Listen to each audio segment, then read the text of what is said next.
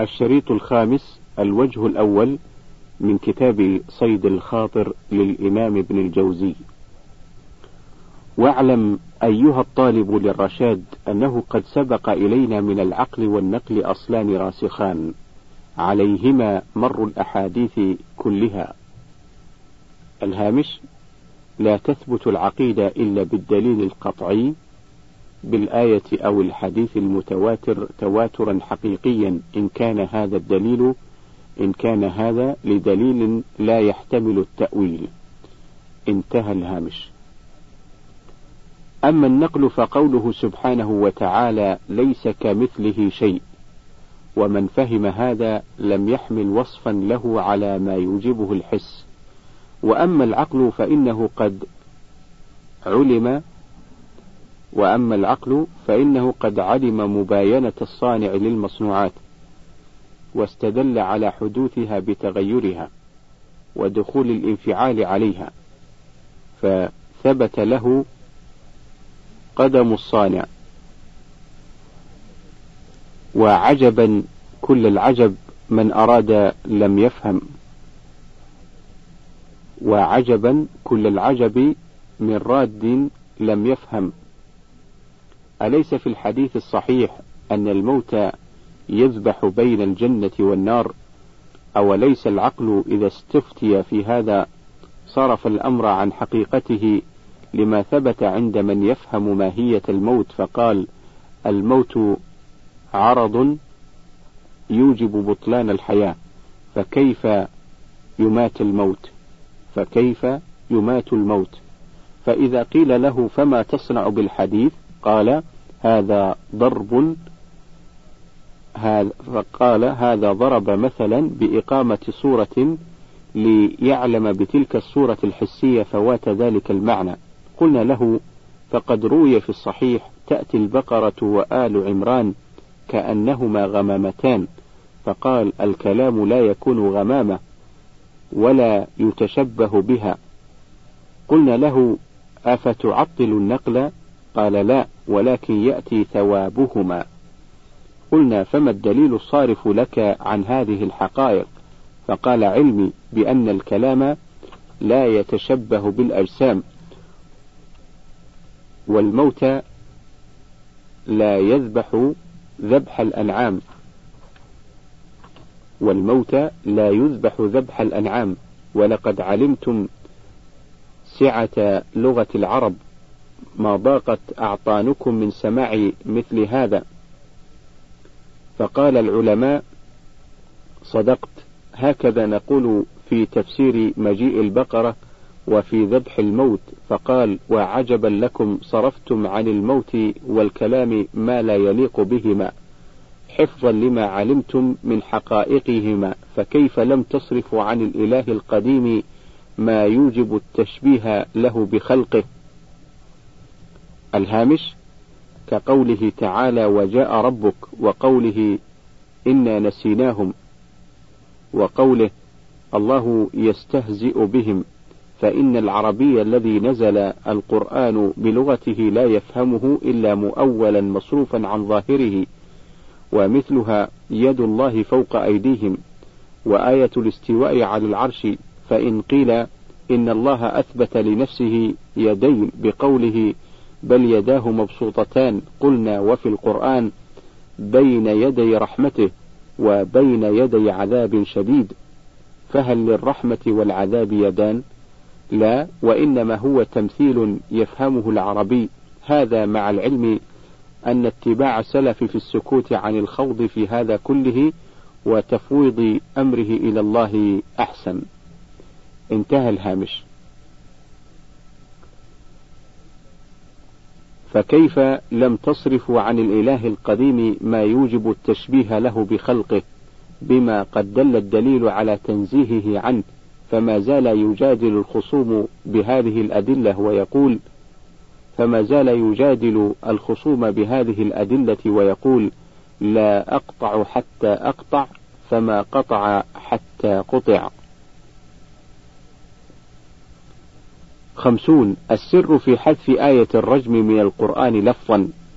تفكرت في السر الذي أوجب حذف آية الرجم من القرآن لفظا. الهامش نسخ آية بلفظها كما يروى في آية الرجم لم يثبت بدليل يفيد العلم. انتهى الهامش. تفكرت في السر الذي أوجب حذف آية الرجم من القرآن لفظا مع ثبوت حكمها إجماعا فوجدت لذلك معنيين. أحدهما لطف الله تعالى بعباده في أنه لا يواجههم بأعظم المشاق بل ذكر الجلد وستر الرجم. ومن هذا المعنى قال بعض العلماء إن الله تعالى قال في المكروهات كتب عليكم الصيام على لفظ لم على لفظ لم على لفظ لم يسمي فاعله وإن كان قد علم أنه هو الكاتب. فلما جاء إلى ما يوجب الراحة قال كتب على نفسه الرحمة. والوجه الثاني أنه يبين بذلك فضل الأمة في بذلها النفوس قنوعا ببعض الأدلة فإن الاتفاق فإن الاتفاق لما وقع على ذلك الحكم كان دليلا إلا أنه ليس كالدليل المتفق لأجله ومن هذا الجنس شروع الخليل عليه الصلاة والسلام في ذبح ولده بمنام وإن كان الوحي في اليقظة آكد. واحد وخمسون. الأسباب التي تنافي التوكل. عرضت لي حالة فلجأت فيها بقلبي إلى الله تعالى وحده. عالما بأنه لا يقدر على جلب نفعي ودفع ضري سواه ثم قمت أتعرض بالأسباب فأنكر علي يقيني وقال هذا قدح في التوكل فقلت ليس كذلك فإن الله تعالى وضع من الحكم وكان معنى حالي أن ما وضعت وكان معنى حالي أن ما وضعت لا يفيد. وإن وجوده كالعدم. الهامش يوجز المؤلف أحيانا حتى يغيب المعنى وهو يريد أن يقول هنا إن الحكم والأسباب من خلق الله. إن الحكم والأسباب من خلق الله فإن كان الأخذ بها لا يفيد كان وجودها كعدمها. انتهى الهامش. وما زالت الأسباب في الشرع.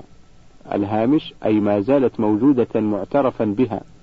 انتهى الهامش. كقوله تعالى وإذا كنت فيهم فأقمت لهم الصلاة فلتقم طائفة منهم معك وليأخذوا أسلحتهم. وقال تعالى فذروه في سنبله. وقد ظهر النبي صلى الله عليه وسلم بين درعين وشاور طبيبين ولما خرج إلى الطائف لم يقدر على دخول مكة حتى بعث إلى المطعم بن عدي فقال ادخل فقال أدخل في جوارك وقد كان يمكنه أن يدخل متوكلا بلا سبب. فإذا جعل الشرع الأمور منوطة بالأسباب كان إعراضي عن الأسباب دفعا للحكمة. ولهذا أرى أن التداوي مندوب إليه. وقد ذهب صاحب مذهبي الهامش يعني به الإمام أحمد بن حنبل. انتهى الهامش.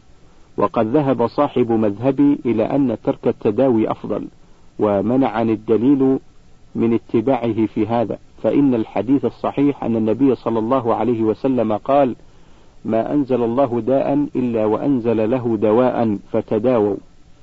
ومرتبة هذه اللفظة الأمر والأمر إما أن يكون واجبا أو ندبا ولم يسبقه حظر فيقال هو أمر فهو فيقال هو أمر إباحة وكانت عائشة رضي الله عنها تقول تعلمت الطب من كثرة أمراض رسول الله صلى الله عليه وسلم وما ينعت له. وقال عليه الصلاة والسلام لعلي بن أبي طالب رضي الله عنه كل من هذا فإنه أوفق لك من هذا ومن ذهب إلى أن تركه أفضل احتج بقوله عليه الصلاة والسلام يدخل الجنة سبعون ألفا بلا حساب. ثم وصفهم فقال لا يكتوون ولا يسترقون ولا يتطيرون وعلى ربهم يتوكلون. وهذا لا ينافي التداوي لأنه قد كان أقوام يكتوون لئلا يمرضوا ويسترقون لئلا تصيبهم نكبة.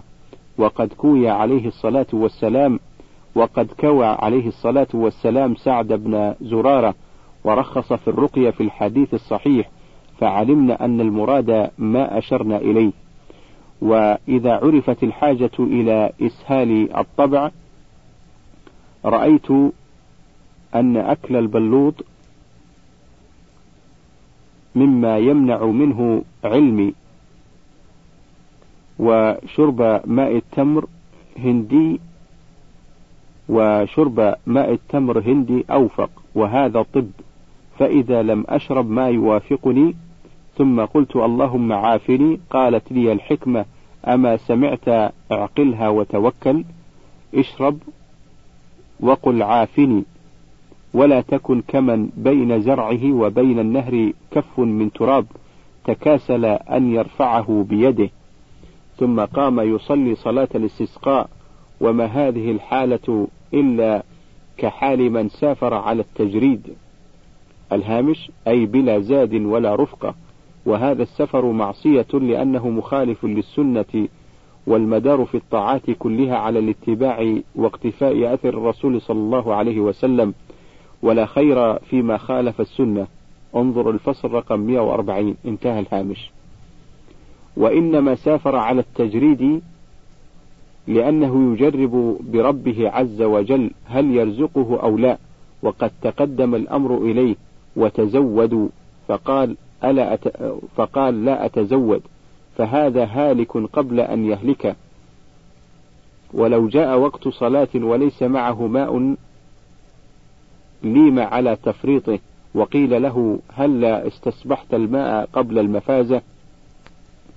وقيل له هل استصحبت الماء قبل المفازة. فالحذر الحذر من أفعال أقوام دققوا فمرقوا عن الأوضاع الدينية. وظنوا أن كمال الدين بالخروج عن الطباع والمخالفة للأوضاع ولولا قوة العلم والرسوخ فيه لما قدرت على شرح هذا ولا عرفته فافهم ما أشرت إليه فهو أنفع لك من كراريس تسمعها ولكن مع أهل المعاني لا مع أهل الحشو. اثنان وخمسون النظافة. تلمحت على خلق كثير من الناس إهمال أبدانهم فمنهم من لا ينظف فمه بالخلال بعد الأكل ومنهم من لا ينقي يديه في غسلها من من الزهم ومنهم ومنهم من لا يكاد يستاك وفيهم من لا يكتحل وفيهم من لا يراعي الإبط إلى غير ذلك. فيعود هذا الإهمال بالخلل في الدين والدنيا. أما الدين فإنه قد أمر المؤمن بالتنظف والاغتسال للجمعة لأجل اجتماعه بالناس ونهى عن دخول المسجد إذا أكل الثوم وأمر الشرع بتنقية البراجم وقص الأظفار والسواك والاستحداد وغير ذلك من الآداب. الهامش البراجم هي مفصل الأصابع والاستحداد يريد التعطر والتطيب. انتهى الهامش. فإذا أهمل ذلك ترك مسنون الشرع وربما تعدى بعض ذلك إلى فساد العبادة. مثل أن يهمل أظفاره في فيجمع تحته الوسخ المانع للماء فيجمع تحته الوسخ المانع للماء في الوضوء أن يصل. وأما الدنيا فإني رأيت جماعة من المهملين أنفسهم يتقدمون إلى السرار الهامش أن يدنو منك ليكلمك سرا فيؤذيك بريحه. انتهى الهامش. يتقدمون إلى السرار أو السرار والغفلة التي أوجبت إهمالهم أنفسهم والغفلة التي أوجبت إهمالهم أنفسهم أوجبت جهلهم بالأذى الحادث عنهم فإذا أخذوا في مناجاة السر لم يمكن أن أصدف عنهم لأنهم يقصدون السر فألقى الشدائد من ريح أفواههم ولعل أكثرهم من وقت انتباههم ما أمر أصبعه على أسنانه. ثم يوجب مثل هذا نفور المرأة وقد لا تستحسن ذكر ذلك للرجل فيثمر ذلك التفاتها عنه. وقد كان ابن عباس رضي الله عنهما يقول إني لا أحب أن أتزين للمرأة كما أحب أن تتزين لي. وفي الناس من يقول هذا تصنع وليس بشيء فإن الله تعالى زيننا لما خلقنا. لأن للعين حظا في النظر ومن تأمل أهداب العين والحاجبين وحس وحسن ترتيب الخلقة علم أن الله تعالى زين الآدمي وقد كان النبي صلى الله عليه وسلم أنظف الناس وأطيب الناس وفي الحديث عنه صلى الله عليه وسلم يرفع يديه حتى تبين عفرة إبطيه. وكانت ساقه ربما انكشفت فكأنها جمارة. الهامش جمارة النخلة باطن جذعها وهو يؤكل اليوم غضا في العراق. انتهى الهامش. وكان لا يفارقه السواك وكان يكره أن يشم منه وكان يكره أن يشم منه ريح ليست طيبة. وفي حديث وفي حديث أنس الصحيح ما شانه الله ببيضاء. الهامش أي أنه لم يشب والحديث في مسلم. انتهى الهامش. وقد قالت الحكماء من نظف ثوبه قل همه ومن طاب ريحه زاد عقله. وقال عليه الصلاة والسلام لأصحابه ما لكم تدخلون علي قلحاء؟ استاكوا الهامش القلحة صفرة الأسنان. انتهى الهامش. وقد فضلت أو وقد فضلت الصلاة بالسواك على الصلاة بغير سواك فالمتنظف ينعم نفسه ويرفع منها عتدها. وقد قالت الحكماء من طال ظفره قصرت يده ثم إنه يقرب من قلوب الخلق وتحبه النفوس لنظافته وطيبه. وقد كان النبي صلى الله عليه وسلم يحب الطيب ثم إنه يؤنس الزوجة بتلك الحال فإن النساء شقائق الرجال فكما أنه يكره الشيء منها فكذلك هي تكرهه. وربما صبر هو على ما يكره وهي لا تصبر. وقد رأيت جماعة يزعمون أنهم زهاد وهم من أقذر الناس. وذلك أنهم ما قومهم العلم وما وأما ما يحكى عن داود الطائي أنه قيل له لو سرحت لحيتك فقال إني عنها مشغول فهذا قول معتذر عن العم فهذا قول معتذر عن العمل بالسنة بالسنة والإخبار عن في غيبته والإخبار عن غيبته عن نفسه بشدة خوفه من الآخرة. ولو كان مفيقا لذلك لم يترك فلا يحتج بحال المغلوبين. ومن تأمل خصائص الرسول صلى الله عليه وسلم رأى كاملا في العلم والعمل فبه يكون الاقتداء وهو الحجة على الخلق. ثلاثة وخمسون خطأ المبالغة في اتقاء الحر والبرد. تأملت مبالغة أرباب الدنيا في اتقاء الحر والبرد. في اتقاء الحر والبرد فرأيتها تعكس المقصود في باب الحكمة وإنما تحصل مجرد لذة وإنما تحصل مجرد لذة ولا خير في لذة تعقب ألما. فأما الحر فإنهم يشربون الماء المثلوج وذلك على غاية في الضرر. وأهل الطب يقولون إنه يحدث أمراضا صعبة يظهر أو يظهر أثرها في وقت الشيخوخة ويصنعون الخيوش المضاعفة. الهامش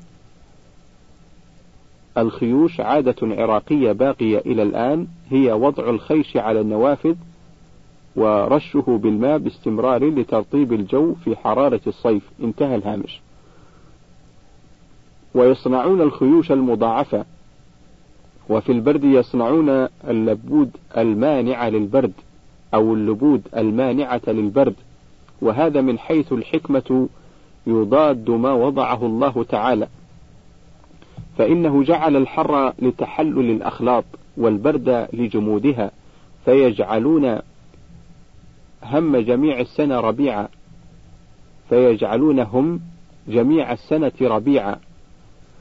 فتعكس الحكمة التي وضع الحر فتعكس الحكمة التي وضع الحر والبرد لها ويرجع الأذى على الأبدان. ولا يظنن سامع هذا أني آمره بملاقاة الحر والبرد وإنما أقول له لا يفرط في التوقي ويعرض في الحر لما يحل لما يحلل بعض الأخلاط.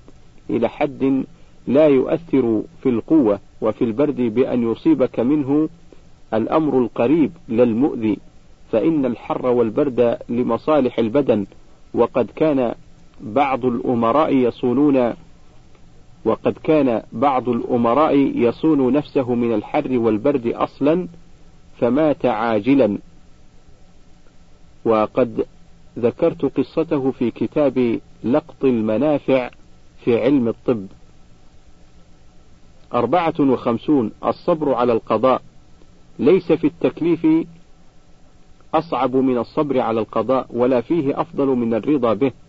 فأما الصبر فهو مرض وأما الرضا فهو فضل وإنما صعب الصبر لأن وإنما صعب الصبر لأن القدر يجري في الأغلب بمكروه النفس وليس مكروه النفس يقف على المرض والأذى في البدن بل هو يتنوع.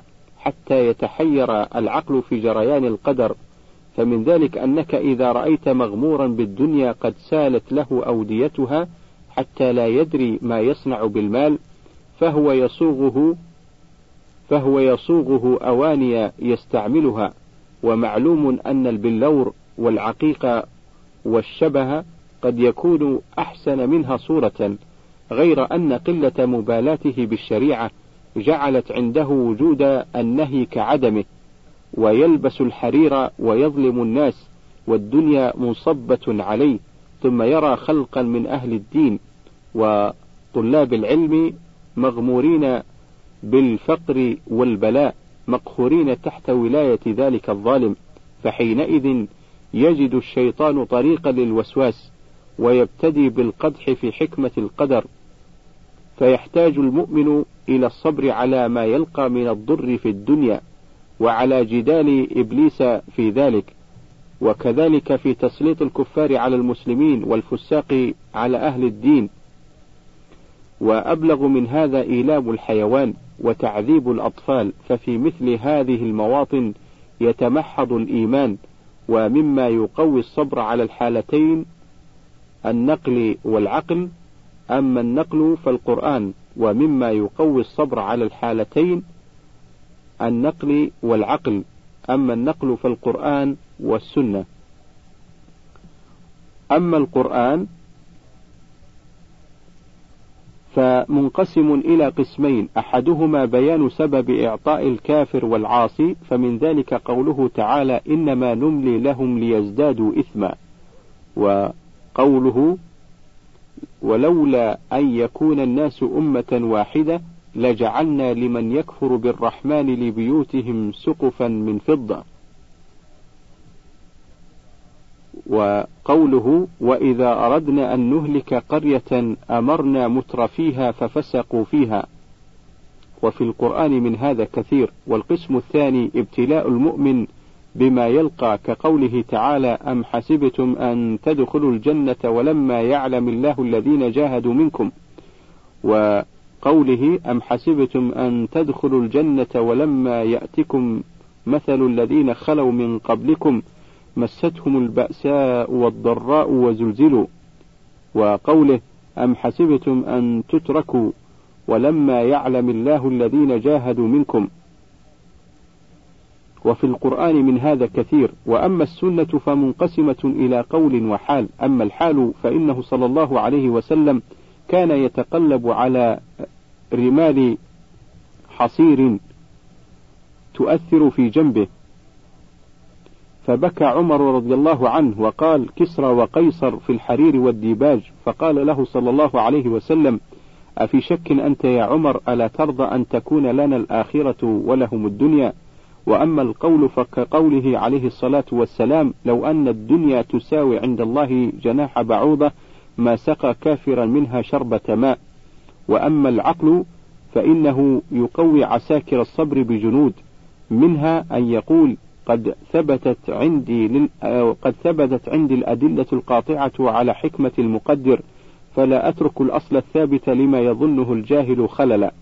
ومنها أن يقول ما قد استهول ما قد استهولته ما قد استهولته أيها الناظر من بسط يد العاصي هي قبض في المعنى وما قد أثر عندك من قبض من قبض يد الطائع بسط في المعنى بسط في المعنى لأن ذلك البسط يوجب عقابا طويلا وهذا القبض يؤثر انبساطا في الأجر جزيلا. فزمان الرجلين ينقضي عن قريب والمراحل تطوى والركبان في الحثيث. ومنها أن يقول قد ثبت أن المؤمن بالله كالأجير وأن زمن التكليف كبياض نهار. ولا ينبغي للمستعمل في الطين أن يلبس نظيف الثياب بل ينبغي أن يصابر ساعات العمل فإذا فرغ تنظف ولبس أجود ثيابه. فمن ترفه وقت العمل وقت العمل ندم وقت تفريق الأجرة وعواقب وعوقب على التواني فيما كلف فهذه النبذ تقوي أزر الصبر وأزيدها بسطا وأزيدها بسطا فأقول أترى أو أترى إذا أريد اتخاذ شهداء فكيف لا يخلق فكيف لا يخلق أقوام يبسطون أيديهم لقتل المؤمنين؟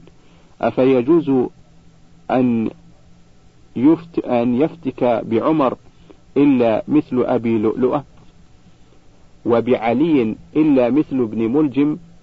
أفيصح أن يقتل يحيى بن زكريا إلا جبار كافر؟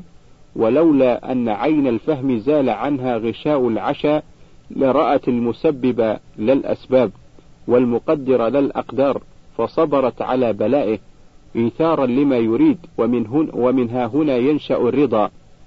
كما قيل لبعض أهل البلاء ادعو الله بالعافية فقال أحبه أحبه إلي أحبه إلى الله عز وجل.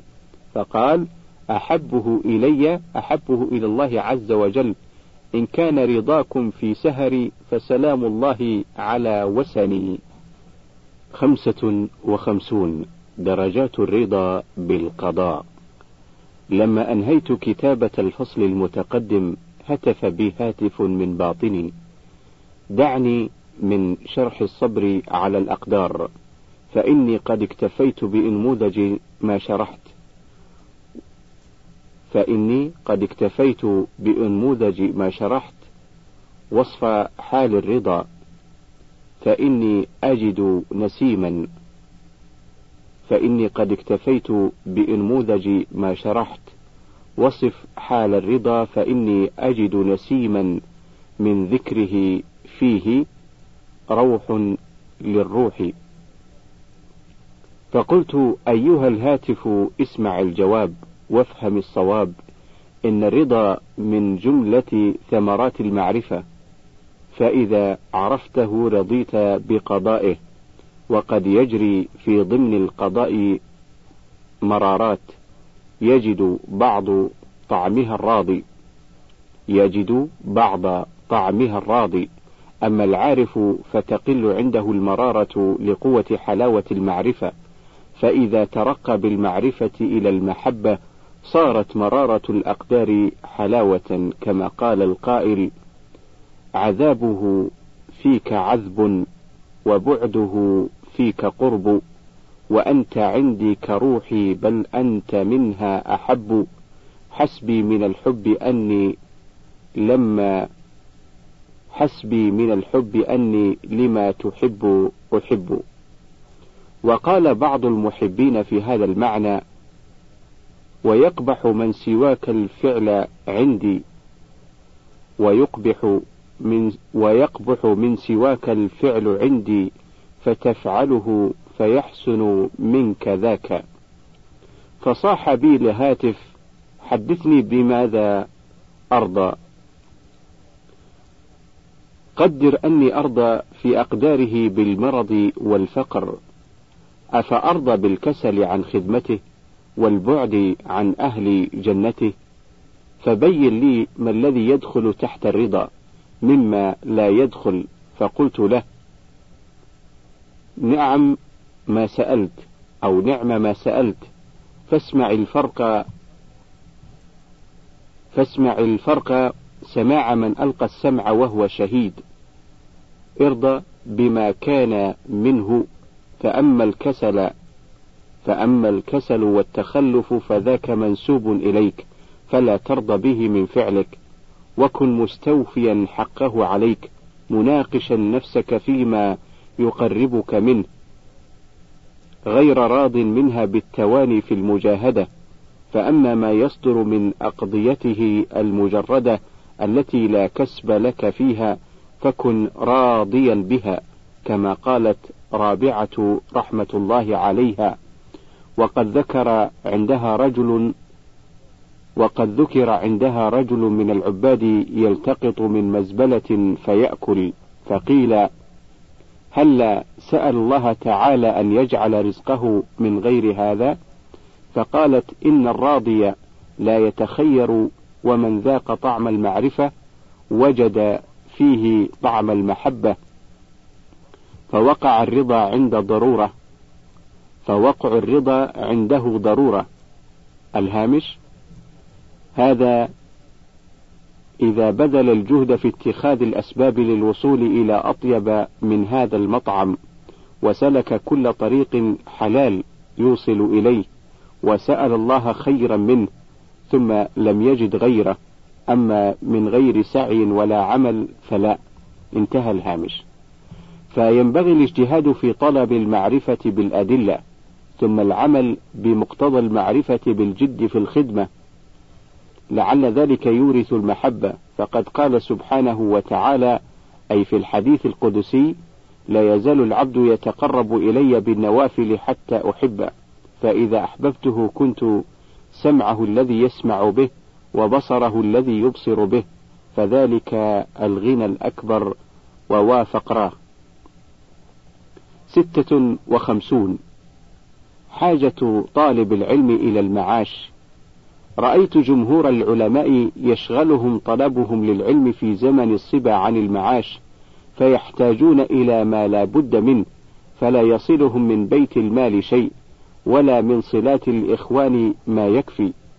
فيحتاجون إلى التعرض بالإذلال فلم أر في ذلك من الحكمة إلا سببين. أحدهما قمع إعجابهم بهذا الإذلال. والثاني نفع أولئك بثوابهم ثم أمعنت الفكرة فتلمحت نكتة لطيفة وهو أن النفس الأبية إذا رأت حال الدنيا كذلك لم تساكنها بالقلب ونبت عنها بالعزم ونبت عنها بالعزم ورأت أقرب الأشياء شبها بها مزبلة عليها الكلاب أو غائطا يؤتى لضرورة. فإذا نزل الموت بالرح بالرحلة عن مثل هذه الدار فإذا نزل الموت بالرحلة عن مثل هذه الدار لم يكن للقلب بها متعلق متمكن فتهون حينئذ. سبعة وخمسون. وجوب التلطف بالبدن والرد على المتزهدين. ما زال جماعة من المتزهدين يزورون أو ما زال جماعة من المتزهدين يزرون على كثير من العلماء إذا انبسطوا في مباحات. والذي يحملهم على هذا الجهل فلو كان عندهم فضل علم ما عابوهم وهذا لأن الطباع لا تتساوى فرب شخص يصلح على خشونة العيش وآخر لا يصلح وآخر لا يصلح على ذلك. ولا يجوز لأحد أن يحمل غيره على ما يطيقه هو. إن لنا ضابطا هو الشرع فيه الرخصة وفيه العزيمة. فلا ينبغي أن يلام من حصر نفسه في ذلك الضابط. ورب رخصة كانت أفضل من عزائم لتأثير نفعها. ولو علم المتزهدون أن العلم يوجب المعرفة بالله تعالى فتنبت القلوب من خوفه. فتنبت القلوب من خوفه وتنحل الأجسام للحذر منه. فوجب التلطف بالأجسام حفظا لقوة الراحلة ولأن آلة العلم والحفظ القلب والفكر فإذا رفهت الآلة جاد العمل. وهذا أمر لا يعلم إلا بالعلم. فلجهل المتزهدين بالعلم أنكروا ما لم يعلموا وظنوا أن المراد إتعاب الأبدان وإمضاء الرواحل وما علموا أن الخوف المضني يحتاج إلى راحة إلى راحة مقاومة. يحتاج إلى راحة مقاومة كما قال القائل روحوا القلوب تعي الذكر ثمانية وخمسون علم الورق وعلم الخرق. ليس في الوجود شيء أشرف من العلم كيف لا وهو الدليل. فإذا عدم وقع الضلال وأن من خفي وأن من خفي مكايد الشيطان أن يزين في نفس الإنسان التعبد ليشغله عن أفضل التعبد وهو العلم. ليشغله عن أفضل التعبد وهو العلم حتى إنه زين لجماعة من القدماء أنهم دفنوا كتبهم ورموها في البحر وهذا قد ورد عن جماعة وأحسن ظني بهم أن أقول كان فيها شيء من رأيهم وكلامهم فما أحب انتشاره وإلا فمتى كان فيها علم مفيد صحيح لا يخاف عواقبه؟ كان رميها إضاعة, للمال لا يحل وقد دنت حيلة إبليس إلى جماعة من المتصوفة حتى منعوا من حمل المحابر تلامذتهم. حتى قال جعفر الخلدي لو تركني الصوفية جئتكم بأسناد الدنيا. كتبت مجلسا عن أبي العباس الدوري فلقيني بعض الصوفية فقال دع علم الورق وعليك بعلم الخرق. ورؤيت محبرة محبرة مع بعض الصوفية فقال له صوفي استر عورتك.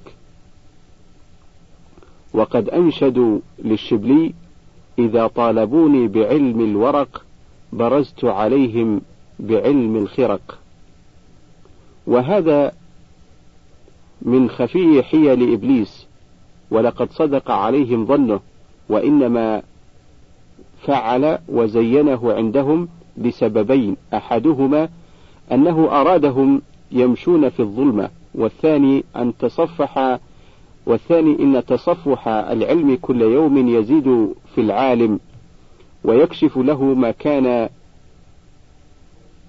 ما كان خفي عنه ويقوي إيمانه ومعرفته ويريه عيب كثير من مسالكه إذا تصفح منهاج الرسول صلى الله عليه وسلم والصحابة فأراد إبليس سد تلك الطرق بأخفى حيله فأظهر أن المقصود العمل لا العلم لنفسه. وخفي على المخدوع أن العلم عمل وأي عمل؟ فاحذروا من هذه الخديعة الخفية فإن العلم هو الأصل الأعظم والنور الأكبر وربما كان تقليب الأوراق أفضل من الصوم والصلاة والحج والغزو. وكم من معرض عن العلم يخوض في عذاب من الهوى في تعبده ويضيع كثيرا من الفرض بالنفل ويشتغل عن بما يزعمه الأفضل عن الواجب ولو كانت عنده شعلة من نور العلم لاهتدى فتأمل ما ذكرت لك ترشد إن شاء الله تعالى. تسعة وخمسون وجوب تعليل النفس لتصبر على ما حملت. مر بي حمالان تحت جذع ثقيل وهما يتجاوبان بإنشاد التنغم. وكلمات الاستراحة.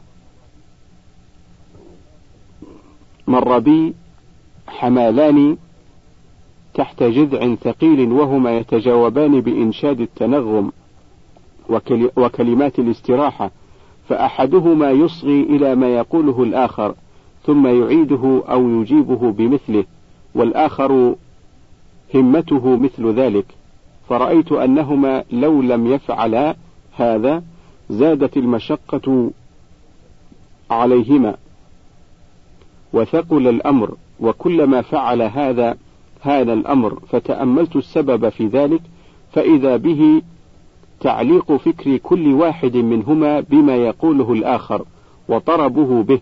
وإجالة فكره في الجواب بمثل ذلك فينقطع الطريق وينسى وينسى ثقل المحمول. فأخذت من هذا إشارة عجيبة ورأيت الإنسان قد حمل من التكليف أمورا صعبة ومن ومن أثقل ومن أثقل ما حمل مداراة نفسه وتكليفها الصبر عما تحب. وعلى ما تكره فرأيت الصواب قطع طريق الصبر بالتسلية والتلطف للنفس كما قال الشاعر فإن تشكت فعللها المجزة من ضوء الصباح وعدها بالرواح ضحى.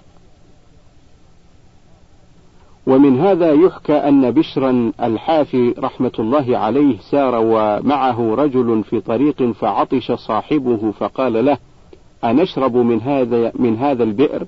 فقال بشر اصبر إلى البئر الأخرى. فلما وصل إليها قال له البئر الأخرى. فما زال يعلله ثم التفت إليه فقال له هكذا تنقطع الدنيا.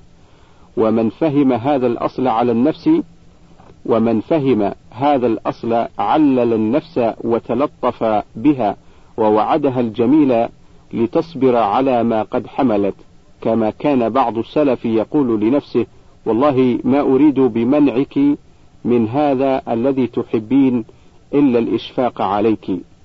وقال أبو يزيد رحمة الله عليه ما زلت أسوق نفسي إلى الله تعالى وهي تبكي حتى سقتها وهي تضحك أعلم أن مداراة النفس والتلطف بها لازم وبذلك ينقطع الطريق فهذا رمز إلى الإشارة وشرحه يطول.